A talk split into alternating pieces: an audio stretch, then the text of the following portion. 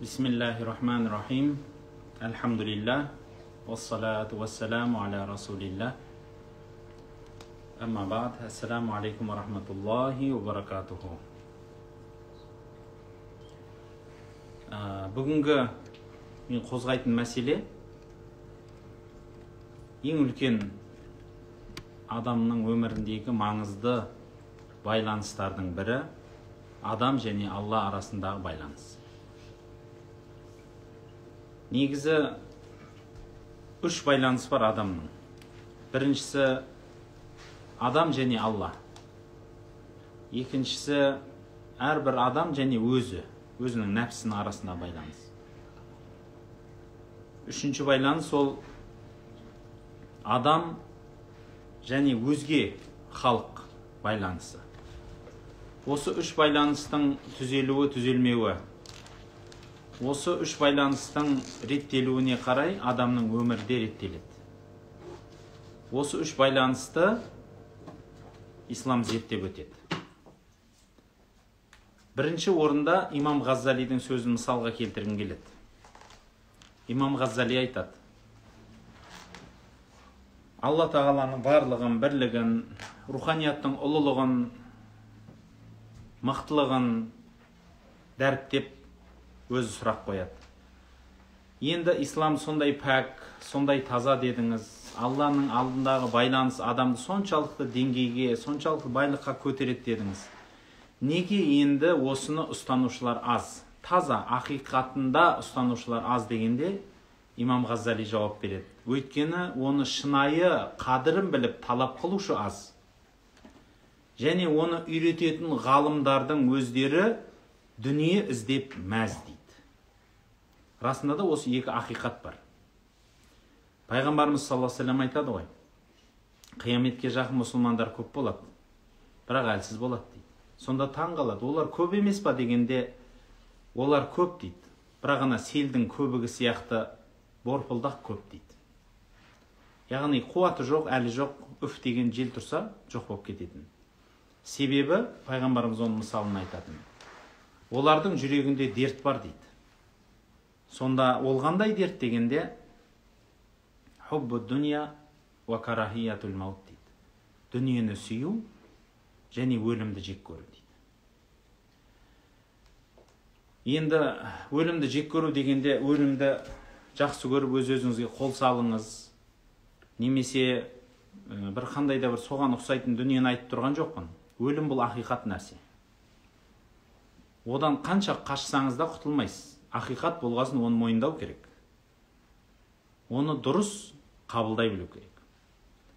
Ал дүниені сүю дегендегі мақсат бұл дүниеге кәдімгі махаббат қойып құнығып кетуді айтады. Бұл дұрыс емес. Имам ғаззали айтады бірінші орында адам тура жолға түсу үшін өзі менен алланың арасындағы байланысты түзету керек дейді. Әрбір мұсылман адам намаз оқиды. Садақа береді ораза тұтады зекет береді қажылық қылады. Бір қандай да бір сауап амал жасайды. Оның түбі алладан іздейді. Құдай маған берсе екен дейді. Ендеше сіз бенен алланың арасындағы байланыс қандай болу керек? Мықты әрі берік болу керек. Осы байланысты түзету үшін адамның алдында төрт перде бар дейді. Осы төрт пердені алмаса адам аллаға жақындамайды дейді. Төрт перде бар. Бірінші перде бұл мал. Бірінші перде бұл мал дүние. Осы нәрсені түсінікті дұрыс қарау керек. Мал дүние сізді алланың алдында е тосық болады е аллаға жеткізетін көпір болады. Егер сіздің мал дүние қолыңызда болып жүрегіңізде болмаса онда сізге мал дүние жәрдемші. Егер мал дүниені сіз сүйсеңіз жақсы көрсеңіз шынайы өмірдің мақсаты мен мәні десеңіз онда сіз қателесесіз. Онда осы мал дүние сізді барлық нәрседен айырады. Жақыныңыздан да туысыңыздан да басқа нәрсенің бәрінен сізге мал болса болды.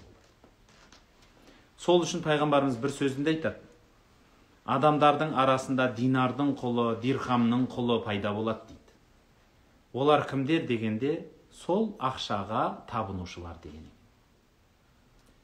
бірінші үлкен тосық мал дүние рас тамақ тоқ болу керек киім көк болу керек тағы да алла тағала құранда айтады шайтан сендерге кедейлікпенен қорқыныш салады жүректеріңе деп шайтан шынымен сөйтіп салады сен аш қалып кетесің қарның ашығып қалады енді дүниең таусылып қалатын болды деген сөздерді уәде береді бірақ шайтанның уәдесі ешқашан дұрыс емес болады алла тағала сізге ырзық несібе берді ма? Онда оны ешкім ала алмайды. Сіз әрекет қылсаңыз соны табасыз. Әрекет қана сізден. Ырзықты табу емес. Ырзық алладан. Баяғыда бір машраб деген кісі өткен екен. Әулие кісі болған деседі. Сол кісі тақыр кедей екен. Сол бір күні үйіне от жағып сол оттың жанында майды кішкентай бір үзіп алған кішкентай майды отқа қақтап аяғының қолының ә, кесіліп кесіліп кеткен жерлеріне май басып отыр екен. Жамап жарылып кеткен жерлерін. Сөйтсе келіншегі жанына келіпті да отағасы мен жүкті болдым депті. Сөйтсе әлгі кісі жылайды дейді кедей ғой. Ой алла тағы да бір нан соғар дүниеге келеді десейші деп. Нан соғар дүниеге кепті. Содан бір күні отырса баланы ойнатып отырса баласы қолын тістеп алыпты сөйтсе әлгі кісі жылайды дейді. Әйелі сұрапты неге жылап отырсың? десе мен бұның менің тістегенде қолыма батқанынан жылап отқан жоқпын. Бұның тісінің менің жүрегіме батқанынан жылап отырмын деп. Неге? десе бұған құдай тіс берді деген сөз мен бұған енді нан беруім керек. Ал мен оны өзім кедей болсам бұған нанды қайдан табам деп жылап отырмын деген екен. Сонда әйелінің айтқаны ғой сол тісті берген құдай нанды да береді ғой деп. Рызық несібе алладан. Кім егер осы нәрсеге сенбесе онда құдайдың алдында пердесі бар адам ол. Бірінші нүкте. Екінші нәрсе абырой мансап. Егер сіз атақ мансап үшін жұмыс істесеңіз бұл өмірде алланың алдында осы нәрсе сізге тосық болады. Жай ғана тосық емес бүкіл ағайын туысыңыздан да бүкіл барыңыздан да тосық болады. Сондықтан бұны не істейміз десе малды қолда ұстаймыз. Ал егер сізді біреу мақтаса дегенде пайғамбарымыз саллаллаху алейхи екі сөзді айтқан. Біріншісі дейді. Жағымпаз адамның жүзіне топырақ шаш дейді. Сізге бір адам жағымпазданып мақтанып жатса теріс бұрыл деген сөз. Ол бетіне топырақ шашып бер деген сөз емес. Ал енді егер біреулер мақтап жатса шынайы мақтап атса да не істейміз десе соған жүрегің алданбасын десең осы мақтаудың бәрін бірінші аллаға сонан қала берсе ұстаздарымның тәрбиесінен деп соларға бұр жібер дейді сонда әлгі кісінің де көңілін табасын өзің де шайтанға алданбайсың дейді.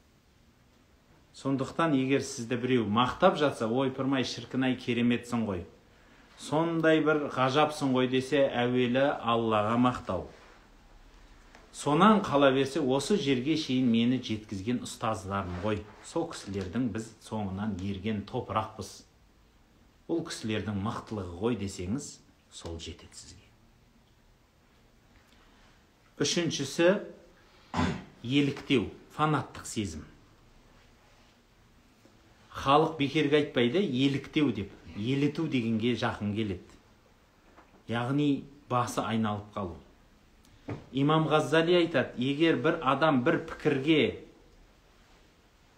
бір пікірге бағынып алса өмірі тар болады бүкіл әлем тар болғаннан ол кісінің алдында алла менен екеуінің арасында перде болады дейді бұл мазхаб және ақида мәселесінде де нүкте нәрсе бар фанаттық сезім деген бар. Мысалы айтайық сіздің ұлтыңыз бар. Сіздің ұстанған дініңіз бар. Сіздің ерлік әйелдік орныңыз бар. Сіздің жанұяңыз бар. Осының барлығы өзге адамнан сізді бөледі. Мен пәленшенің семьясынанмын мен фамилиям пәленше. Менің руым түгенше менің ұлтым түгенше менің жерім пәленше. Мен пәлен жерден мен түген жерден. Бұны осының бәрі бөледі фанаттыққа алып барады. Одан бөлек дін мен мұсылманмын сен өзгесің немесе мұсылманның ішіне кіріп ал мен түгеншенің ұстанамын сен түгеншені ұстанасың осы фанаттық нәрсеге алып бармас үшін оның шекарасы қандай десеңіз біліңіз. Егер сол сезім өзгелерді жек көріп өзіңді соның үстінен артық көру болса онда сен фанатсың. Егер сен бұл сөзіңді құдайдың маған бергені мен бұны ұстап жүрмін осындаймын. Яғни құдай маған еркек қылып жаратты мен еркекпін. Мен мұсылман қылып жаратты әльхамдулилля мұсылманмын десеңіз ол бөлек. Ал егер мен мұсылманмын деп өзгелерді жек көріп өзгелерді бір төмен санап ә, құдайдың қаһарына қап кеткендер бұлар ондайлар мұндайлар деп өзіңізді жоғары көтерсеңіз сіз олардан ешқандай айырмаңыз болмайды. Фанаттық сезім деген осы. Құдайдан сізді тосатын сезім осы. Егер сіз бір пікірді ұстансаңыз ұстаныңыз. Бірақ өзге пікірді ұстанушыларды жек көру өзінен төмен санау дұрыс емес. Менің ғана ойыммен ойлау керек. Мен сияқты ғана дінді ұстану керек. Мен сияқты ғана осындай болу керек деп ойласаңыз онда сізбенен алланың арасында перде бар.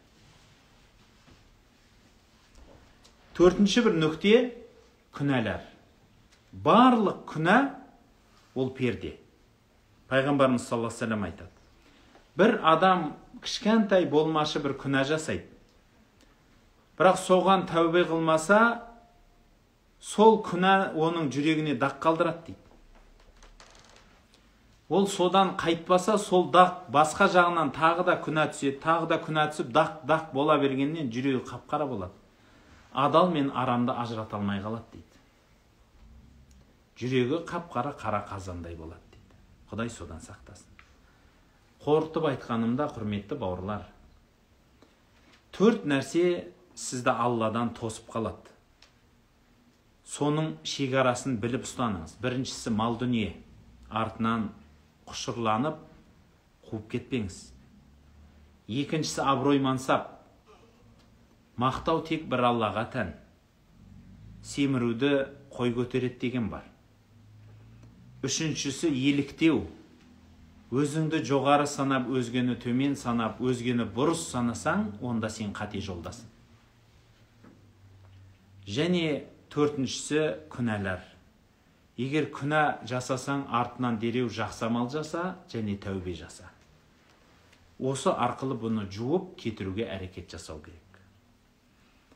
Осы сөздерді мен қорытып бір жиынтықтың жанында үлкен бір төрт сіздер жаттап алатын нәрсе айтқым келеді. Бір ғалым айтады. Көркем мінезге жеткен.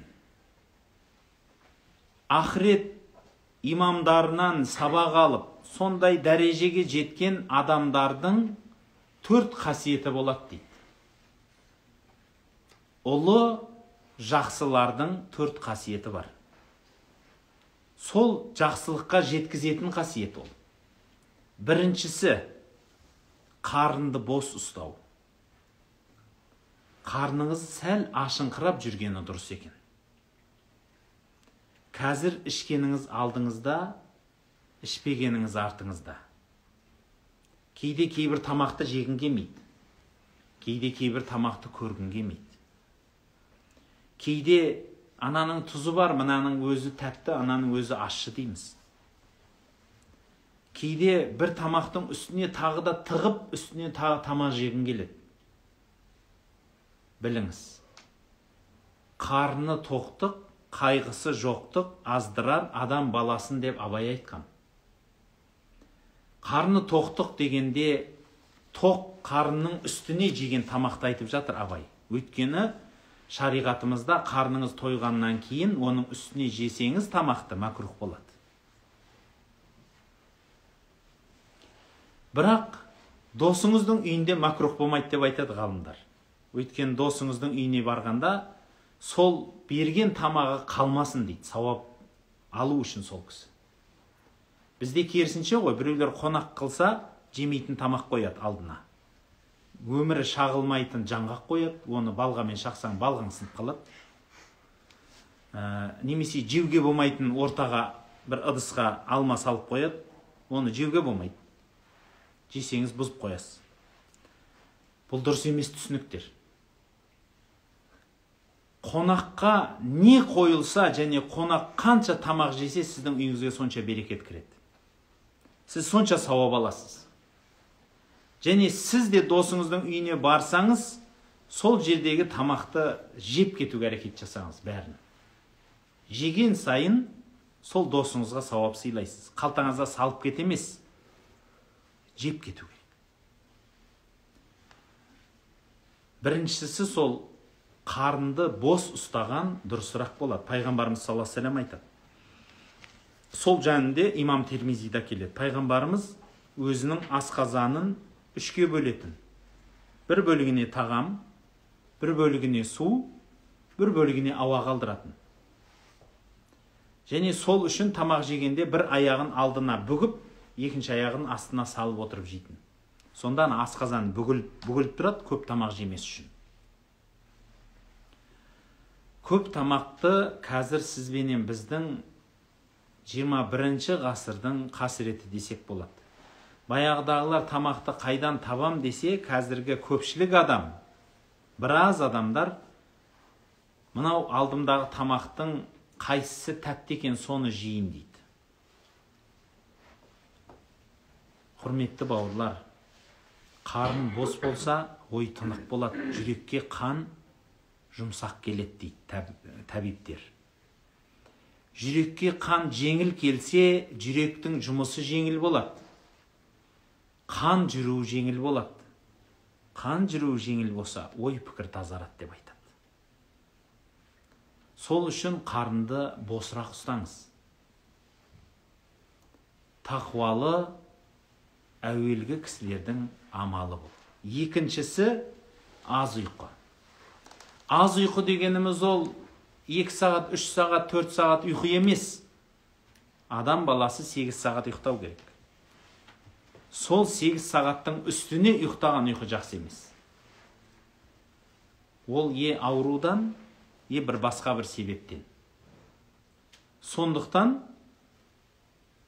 аз ұйқы дегеніміз сізге жетерлі ұйқыны ұйықтаңыз бірақ оның үстіне ұйықтауға болмайды. Ұйқы көп ұйқы жүректі өлтіреді дейді. Ғалымдарымыз айтады көп ұйқы жүректі өлтіреді. Сондықтан жүрегіңіз тірі жүрсін десеңіз ұйқыңызды орнында ұйықтаңыз. Уақытылы ұйықтаңыз. Ерте ұйықтап ерте тұрыңыз. Үшінші ереже үнсіздік. Пайғамбарымыз саллаллаху алейhi ереже бар.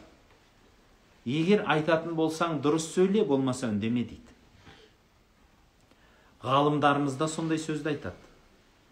Сенің ішіңдегі айтылмаған сөз ол сенікі дейді. Сенің айтып қойған сөзің ол сенікі емес дейді. Ол сенің үкімдарың дейді.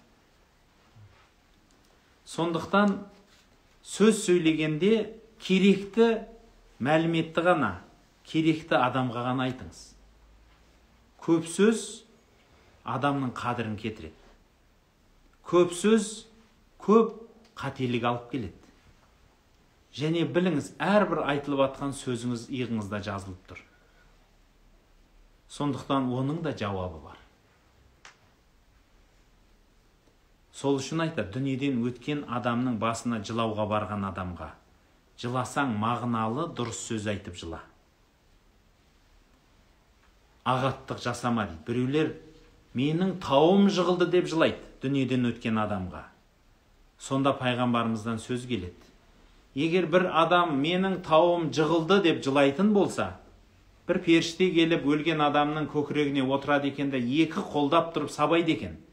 Сен ба тіреп тұрған тауы сен ба тіреп тұрған тауы дейді екен. Өзге адамдарға қайғы беріп кетпеңіз. Және өзіңіз де жұртқа қайғырғанда ақылыңызды жоғалтып алмаңыз. Көп сөз көп қате.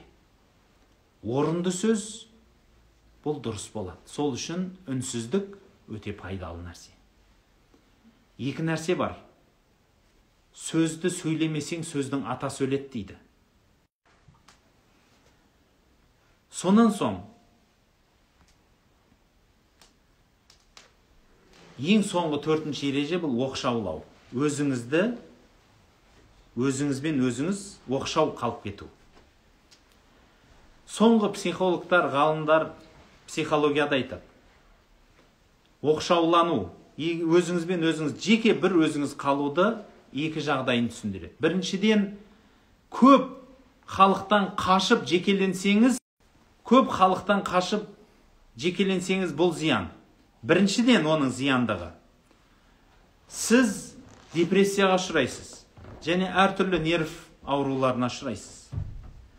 Және әртүрлі көзіңізге бір нәрселер көрініп бір нәрселер естілуі де ықтимал көп. Ақылдан адасасыз. Көп халықтан қашу оқшаулану бұл дұрыс емес.